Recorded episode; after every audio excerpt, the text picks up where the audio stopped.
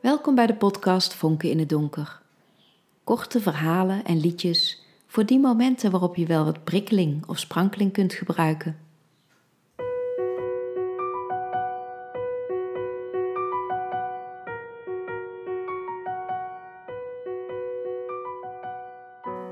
Bezorgd. De bel gaat. Met kloppend hart loop ik naar de voordeur. Zou hij het zijn? Ik voel een glimlach opkomen als ik door het matglas van het raampje in de voordeur het donkerblauw en oranje zie van de pakketbezorger van PostNL. Zodra ik de deur open doe, zegt hij: Dit is de derde keer, dus. Uh...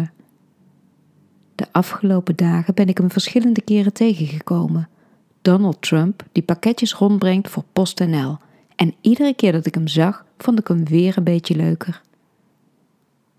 Toen ik hem vanochtend voor de tweede keer tegenkwam, had ik gezegd: De volgende keer is de derde en dan.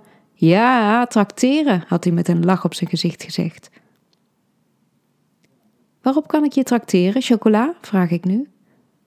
Mag het ook koffie zijn? Natuurlijk. Ik zet koffie terwijl we ongedwongen een praatje maken. Ik merk dat hij subtiel onderzoekt of ik een relatie heb. Ik reageer wat ontwijkend om de spanning erin te houden maar laat doorschemeren dat ik niet samenwoon. Als ik zeg dat mijn kinderen zo uit school komen, drinkt hij in één slok zijn koffie op en staat op. Je hoeft niet te gaan hoor, zeg ik. Jawel, het is toch vreemd voor je kinderen als ik hier ineens aan de keukentafel zit. Bij de voordeur krijg ik een knuffel die uitmondt in een tedere kus. En nog één, nu met tong erbij. Ik hoor dat hij zwaar ademt ik vind je een heel aantrekkelijke vrouw, zegt hij in mijn oor en zijn Amerikaanse accent wint me op. Hij vraagt of hij een keer kan terugkomen als mijn kinderen er niet zijn en we spreken af voor de ochtend daarna. Dat wordt epileren vanavond. Als hij weg is, ben ik in verwarring. Sinds wanneer is Donald Trump pakketbezorger? En waarom hier? En hoe kan het dat ik me tot hem aangetrokken voel? Vanwege zijn ideeën kan het niet zijn en vanwege zijn uiterlijk of manier van doen toch ook niet. Ineens herinner ik weer de droom die ik een paar maanden geleden over hem had. In die droom had ik een relatie met hem en was boos vanwege de muur met Mexico en zijn commentaar op moslims. Hij zei: Schatje toch, laten we geen ruzie maken. Waarop hij me tegen zich aantrok, zijn handen op mijn billen legde en op mijn oordeel begon te zuigen. Ik smolt en vleide me tegen hem aan.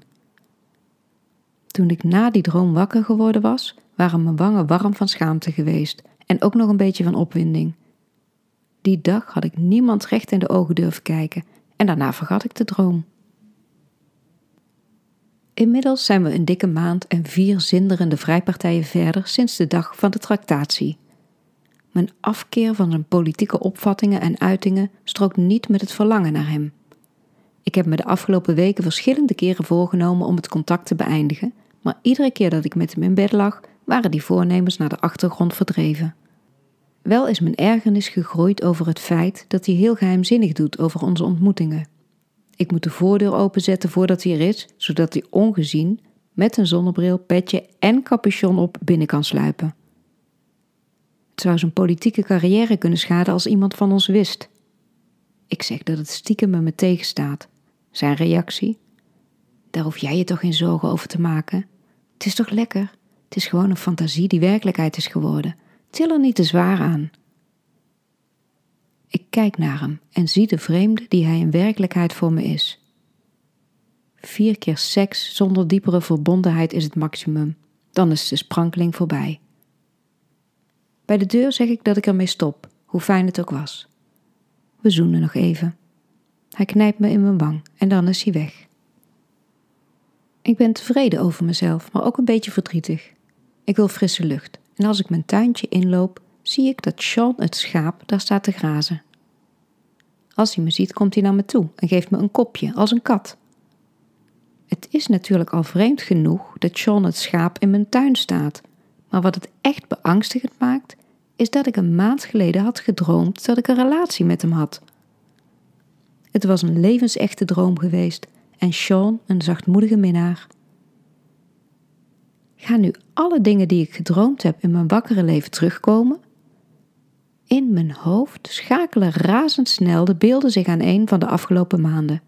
Er zijn zoveel bizarre dingen gebeurd die volkomen vertrouwd leken, omdat ik ze al kende uit mijn dromen. De rode clownschoenen van de overbuurman, de fiets op rupsbanden, de merel met een bril op, mijn broer die ineens Chinees was gaan praten toen ik hem vroeg wat hij zich herinnerde van mijn moeder, en ik die een vloeiend Chinees, het was Kantonees geweest, had geantwoord. Al die dingen waren me in het echt even natuurlijk voorgekomen als in mijn dromen. Nu zie ik pas hoe bizar ze waren. Ik realiseer me dat het is begonnen na mijn epileptische aanval. Ik had geprobeerd om zowel die aanval als de bizarre gebeurtenissen daarna te negeren. Mijn oren beginnen te suizen en ik word duizelig.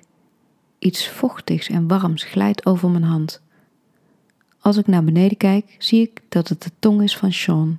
Ik ren naar binnen, sluit de deuren en de ramen en doe de gordijnen dicht. Ik moet iets doen. Dit loopt uit de hand. Hoe kan ik dit stopzetten, terugdraaien? Kreeg ik maar opnieuw een epileptische aanval. Die zou mijn werkelijke leven weer kunnen scheiden van mijn dromen. Ik pak mijn laptop en probeer bij zoekopdracht in te typen: waar kan ik zo snel mogelijk een behandeling met elektroshocks krijgen? Doordat mijn vingers zo trillen, maak ik de ene typfout naar de andere. Ik pak mijn telefoon en toets 112 in. Maar voordat ik op het groene telefoontje druk, besef ik dat ik niet weet wat ik moet zeggen. Ik moet ontspannen, dan kan ik beter nadenken en een oplossing vinden. Ik adem in en zet mijn buik uit. Ik adem uit en probeer daarna even te wachten tot de volgende inademing weer komt. Piepend zuig ik de lucht weer naar binnen. Ik zucht, maar voel meteen weer ademnood. Dit werkt niet. Ik ga naar boven en laat het bad vollopen. Ik stap erin en dompel me onder in het warme water. Poeh, weldadig. Even niks. Vijf minuten. Tien minuten. Ik voel me nu ontspannen genoeg om de stopper uit te trekken. Ineens is daar de herinnering aan een droom die ik tijdens mijn zwangerschap had. Oh ja, ik voel het weer. De enorme trekkracht van het putje. Even voel ik me doodsbenauwd. Ik verzet me. Maar dan geef ik me over en voel ik hoe mijn lichaam verzacht. Eerst de botjes in mijn voeten, dan mijn benen, mijn bekken, mijn ruggengraat, mijn armen, mijn nek, mijn schedel. Alles helemaal zacht als deeg. Ik word langer en langer en langer en zacht omhuld door het water. Ik laat me het putje inglijden, een onmetelijk lang tot deeg geworden lichaam in een eindeloze reis. Ik voel me licht en bevrijd. Pas als ik aan de andere kant ben, neem ik mijn eigen vorm weer aan. Dit lichaam in het lege bad. Ik sta op, droog me af en haal opgelucht adem. Mijn leven is weer van mij. Toch?